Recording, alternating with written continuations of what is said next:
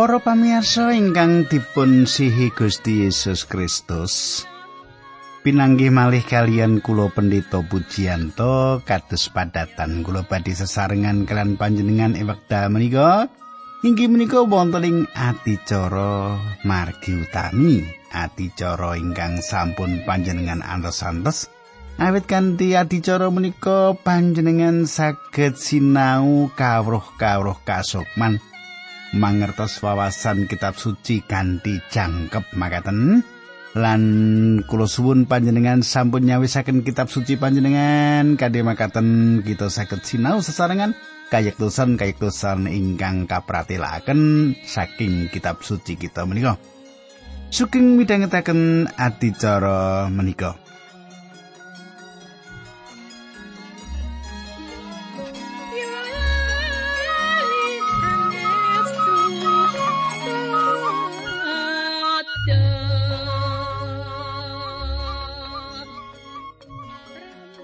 Para pamirsa menapa panjenengan tasih kemutan menapa ingkang kula aturaken duk nalika pepanggihan kepengker menika? Ing salebetipun pepanggihan kita kepengker kita sampun nyemak bilih ing wekdal nindakaken samukawis kita perlu nindakaken selaras kalian kersanipun Gusti Allah. Lajeng kita lajengaken pasinaon kita saking setunggal babat. Nanging saderengipun menika monggo kita tumungkul kita ndedonga sesarengan. Duh Kanjeng Rama ingkang adhedhampar wonten kraton ing kasuwargan. Kawula ngaturaken gunging panuwun menawi wekdal menika kawula saged tetunggilan kalian sederek-sederek kawula lan sinau kayektosan saking pangandikan paduka. Kawula nyuwun dipun tuntun Gusti kanthi mekaten kawula boten nalincir saking menapa ingkang paduka dawuhaken. Dinambaran asmanipun Gusti kawula Yesus Kristus kawula ndedonga haleluya amin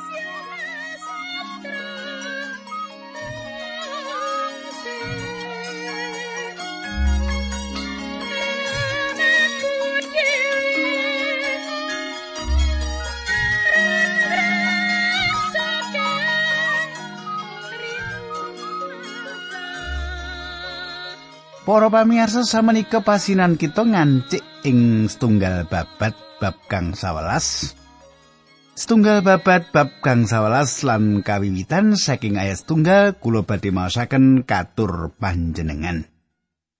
Makatan surau sing pangantikan ayat setunggal, Raja Daud yoso omah kagem panjenengani, piyambak lan yoso bangunan kanggo mapanake peti perjanjian Allah, mengkono masang kemah kanggo peti mau. Para pamiyarsa proyek pembangunan ingkang dipun tindakaken Daud menika kula mboten yakin dipun anggap penting dening tiang-tiang sanes. Menapa ingkang sampun dipun bangun Daud menika kula mboten yakin menawi saben tiang menika seneng menapa ingkang dipun tindakaken Daud Ayat kali sawise mengkono Raja Daud ngendika sing oleh ngangkat peti mung wong Lewi dhewe Merga wong-wong kuwi sing wis dipilih dening Allah kanggo mikul peti mau lan ngladosi panjenengane selawas-lawase. Para pamirsa tembung ingkang sampun kuno meratelaken kanthi pas ndeleng saka mburi luwih becik tinimbang ndeleng saka ngarep. Gampil sanget tumrap kita sanjang dumateng Daud nindakaken menapa ingkang leres wiwit-wiwitanipun. Ayat 3, Raja Daud banjur dawuh supaya wong Israel kabeh padha nglumpuk ing Yerusalem arep diajak mindah peti perjanjian Allah menyang panggonan sing wis dicawisake. Para pamiyasa, menapa ingkang badhe kita tindakaken menawi kita kedah katempo ing krisis? Rak kita ngulemi tiang pinter lan kita gadah pengajeng-ajeng supados tiang-tiang pinter menika saged ngerampungaken krisis menika? Dawet kedah pikiran, satunggalipun bab ingkang penting nglempakaken rakyat kados pundi beto peti perjanjian Gusti menika lan Gusti Allah menggalih pilih. Perkawis menika satunggalipun perkawis ingkang penting. Inggih menika sebabipun panjenenganipun nyerat ing salebetipun kitab babat ingkang katingali saking jaman sejarah menika. Samenika Daud cecawis mindahaken peti perjanjian menika. Ayat sekawan, anak turune Harun lan wong Lewi uga didhawuhi nglumpuk kabeh. Para pamirsa salajengipun Daud nyukani menapa ingkang dipun betahaken para pemimpin saben keluarga selaras kalian gunggunging kabetahanipun. Kula lajengaken ayat 11 ngantos 12 nggih. Raja Daud banjur nimbali Imam Sadok lan Imam Abiatar sarta wong Lewi nenem liyane ya kuwi Uriel, Asaya Yuel, Semosa, Eliel lan Aminadab. Pangandikane Raja Daud marang wong-wong mau. Kowe kuwi para pemimpining gotrah-gotrahe taler Lewi. Mulane kowe padha nucekno awakmu supaya diparengake mindah peti perjanjian pangeran ala Israel menyang panggonan sing wis dicawisake Kadang kula Daud sampun nyawisaken papan kangge peti perjanjian menika nanging kita mboten mangertos pasipun wonten ing pundi Inggih menika wonten pegunungan ingkang dipun sebat Gunung Moria, papaning pundi Abraham misungsungaken larenipun Iska. Pegunungan menika nglangkungi Yerusalem lan Golgota papan Gusti Yesus dipun salipaken papanipun kinten-kinten wonten ing sakiwa tengenipun gunung ingkang sami. Manut kula papan Daud nyawisaken peti perjanjian menika wonten ing Gunung Moria. Ayat 13 Dek biyen nalika kita mindah peti mau kowe padha ora teka lan ora melu nggawa petine Mulane pangeran Allah kita ngukum marang kita mergo kita padha nindakake pangibadah nanging ora manut kersane. Para pamirsa panjenengan tasih kemutan rikala ngusung peti perjanjian ingkang kawitan Daud nglepataken Gusti Allah. Daud ndakwa Gusti Allah lepat awit mundut nyawanipun Usa, nanging salajengipun Daud ngraosaken bilih ingkang lepat punika piyambakipun lan kangge kalepatan menika Daud ngakeni wonten ngarsanipun Gusti Allah. Kita lajengaken ayat 18. Dadi para imam lan wong Lewi padha sesuci supaya kepareng ngelih peti perjanjiane pangeran Allah Israel. Kadang kula panjenengan katosaken lumantar pangandikan menika kita saged ngraosaken bilih peti perjanjian menika tumrap Gusti Allah saestu penting. Ayat kang 11. Nalika dipindah peti mau dipikul nganggo pikulan kayu ditumpangake ing pundak miturut pernatan sing diparingake dening Allah lantaran Musa. Panjenengan tingali. Musa sampun babaraken pitedahipun Gusti Allah gegayutan perkawis beto peti perjanjian menika ingkang sampun kasrat ing bab sekawan kitab wilangan. Ayat 16 Raja Daud uga ndhawuhi para pemimpine wong Lewi supaya ana sawetara sing menyanyi nyanyian kabungahan dibarengi unine clempung lan kecer. Para pamirsa Daud menawi upami dumados jaman samenika kepingin wonten band musik orkestra lan sedaya paduan swara. Lan ketahipun ing wekdal meto tabut utawi mbeto peti perjanjian menika dados dinten ingkang ageng. Gusti Allah nengenaken perkawis kasukman lan pengajeng-ajeng kula, kita saged nampeni menapa ingkang dados dawuhipun. Ayat selangkung setunggal babat bab 15 Raja Daud bebarengan karo para pemimpin Israel lan para perwira padha mangkat menyang omahe Obed Edom arep njupuk peti perjanjiane Allah ana ing kono padha nganakake pesta gedhen. Panjenengan bayangaken dinten menika satunggalipun dinten ingkang ageng. Ayat 16 Podo saos kurban marang pengiran rupa sapi lanang pitu lan wedhus gembel pitu supaya Gusti Allah kersa mitulungi wong Lewi sing padha mikul petining perjanjian mau. Kadang kula sedaya pisungsung kurban menika nggambaraken menapa ingkang dipun tindakaken Sang Kristus. Samenika ayat pitulikur ngantos wolikur nalika semono Raja Daud nganggo jubah lena alus. Mengkono wong-wong sing padha nggunakake clempung lan kentrung sarta kenania pemimpin lan wong-wong Lewi sing padha mikul petini, Raja Daud uga ngagem lena efod. Umat Israel kabeh padha metu ngiringake peti perjanjian mau nganti tekan Yerusalem karo surak-surak tondo bunga. dibarengi unine slompret nafiri kentrung lan kecapi. Para pamirsa, salah satunggal jalaran kenging menapa ibadah wonten ing gereja menika karaosaken kaku. Awet ibadah menika boten kasinungan kabingahan. Panjenengan tingali tiang ingkang kesah dhateng gereja menika menapa praupanipun mancaraken kebahagiaan? Cobi bandingaken kalian tiang-tiang ingkang nonton bal-balan. Panjenengan boten ningali praupan ingkang sisah to, gitu. Malah rego ingkang kawon kemawon praupanipun boten ngerti menawi sisah. Tiang-tiang kala ngraosaken ing wekdal-wekdal ngremenaken. Bencana ingkang dumados ing wekdal samenika inggih menika awet umat kagunganipun Gusti Allah ketingalipun boten ngraosaken wekdal ingkang ngremenaken menika. Kita kedahipun asukarena para pamirsa, kacilakan ingkang dumados ing menika inggih menika umat kagunganipun Gusti Allah ketingalipun boten ngraosaken wekdal ingkang ngremenaken. Nang gereja ora seneng, nang gereja kita malah suntrut, malah telepon, Sopo sing khotbah mengko? Iki pikiran Kristen piye wong ning gereja panjenengan ngrungokke khotbah kok malah takok sing khotbah sapa? Ayo sapa wae sing khotbah kudu teko, kudu midhangetake, aja sok pinter. gitu. Nah, kita kedahipun asukarna ngadepi pangibadah ingkang badhe kita lampahi. Para pamirsa, Kulo gagas sing wekdal semanten mireng bilih Daud badhe ngusung peti perjanjian datang Yerusalem. Kulo gagas jagat ing wekdal semanten mireng bilih Daud badhe ngusung peti perjanjian datang Yerusalem. Tiang-tiang mireng. Jaman samenika perkawis ingkang asipat kasuk manan bingah sampun ical saking gesangipun tiang-tiang pitados. Inggih kados makaten menika ing wekdal gesang kita minangka satunggalipun bangsa sampun meh pecah nanging Samenika kita ningali bilih mboten saben tiang yang kuyung Daud wonten ing riyaya menika. Ayat 29. Nalikane petine digawa mlebu ing kutha, Mikal anake Raja Saul garwane Raja Daud nginguk saka jendela lan weruh Raja Daud jogetan karo jingkrak-jingkak saka bungae. Mulane Mikal dadi ewa marang Raja Daud. Huh, kadang kula.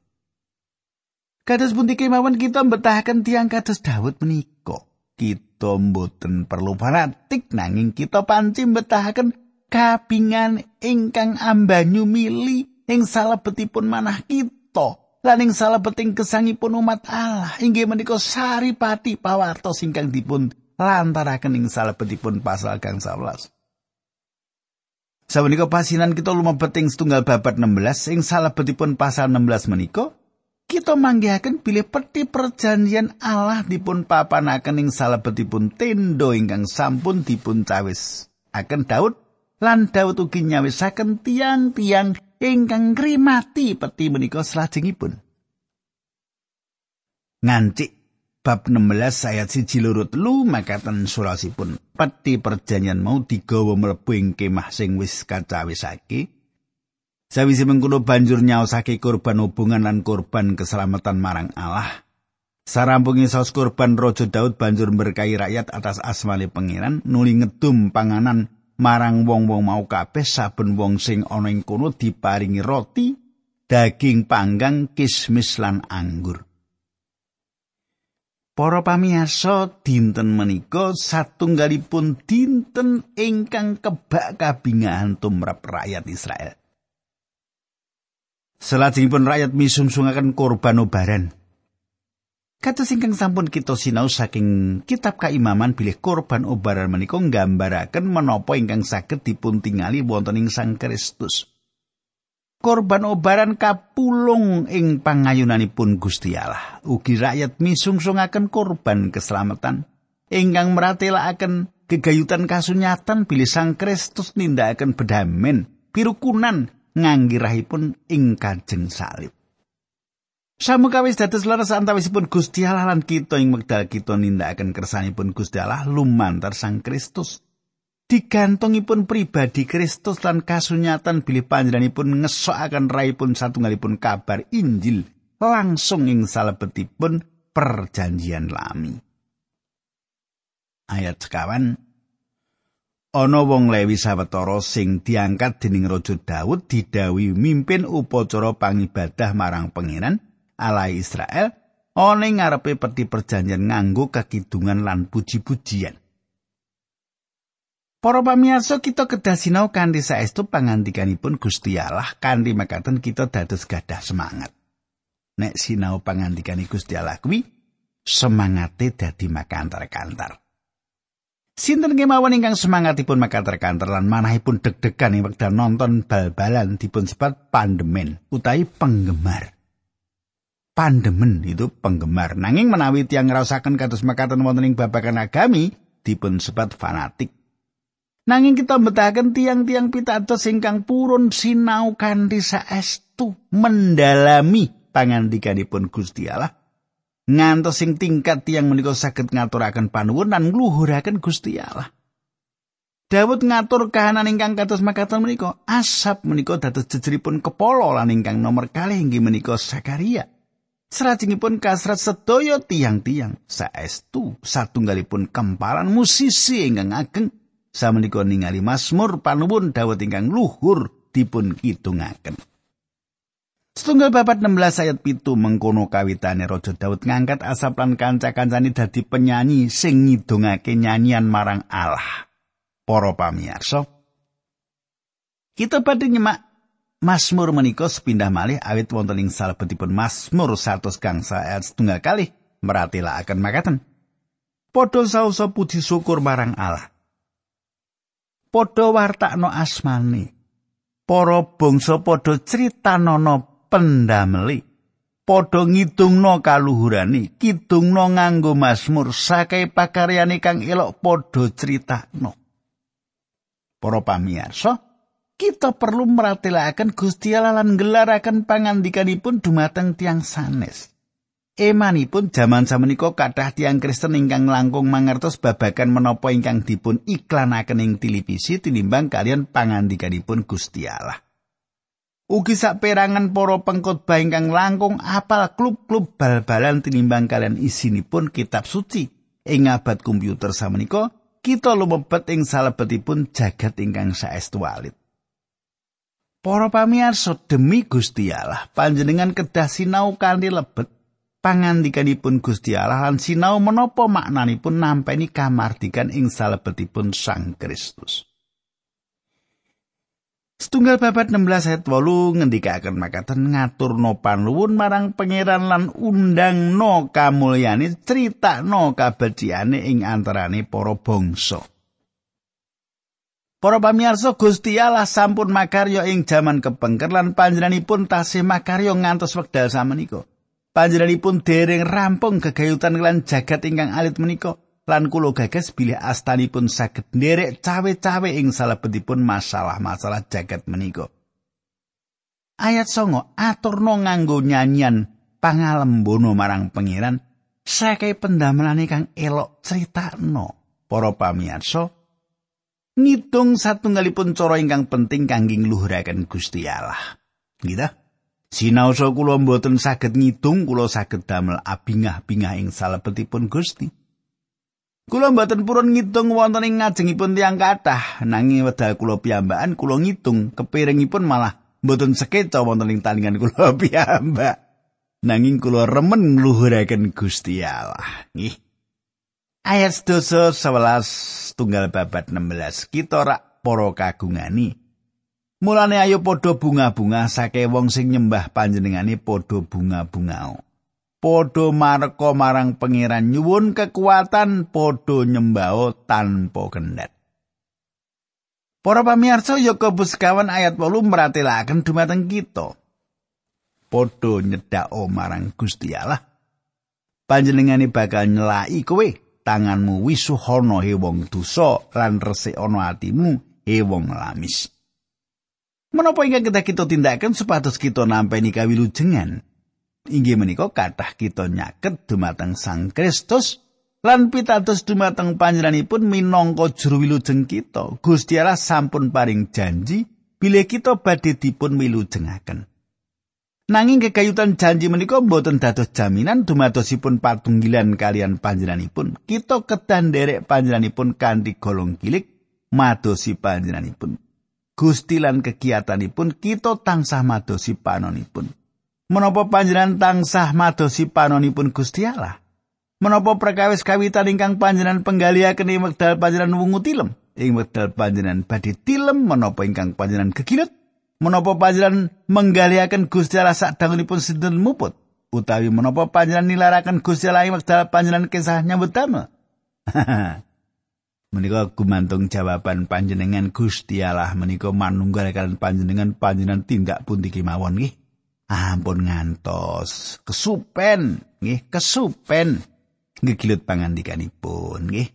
Samenika bab 16 ayat 13 padha ilinga marang pakaryan-pakaryan elok kang ditindakake pratondo pratandani kang elok lan putusan-putusan kang kapangandikake para pamirsa Gusti Allah nitahaken samukawis ingkang wonten kanthi cara ingkang ngidapi-dapi Panjenenganipun kagungan kathah sunar utawi cahya srengenge ageng kathah lintang-lintang lan gunung-gunung ageng Gusti Allah adamel srengenge menika angslup lan nilaraken cahya maneka warni lan kita saged ningali kaendanipun.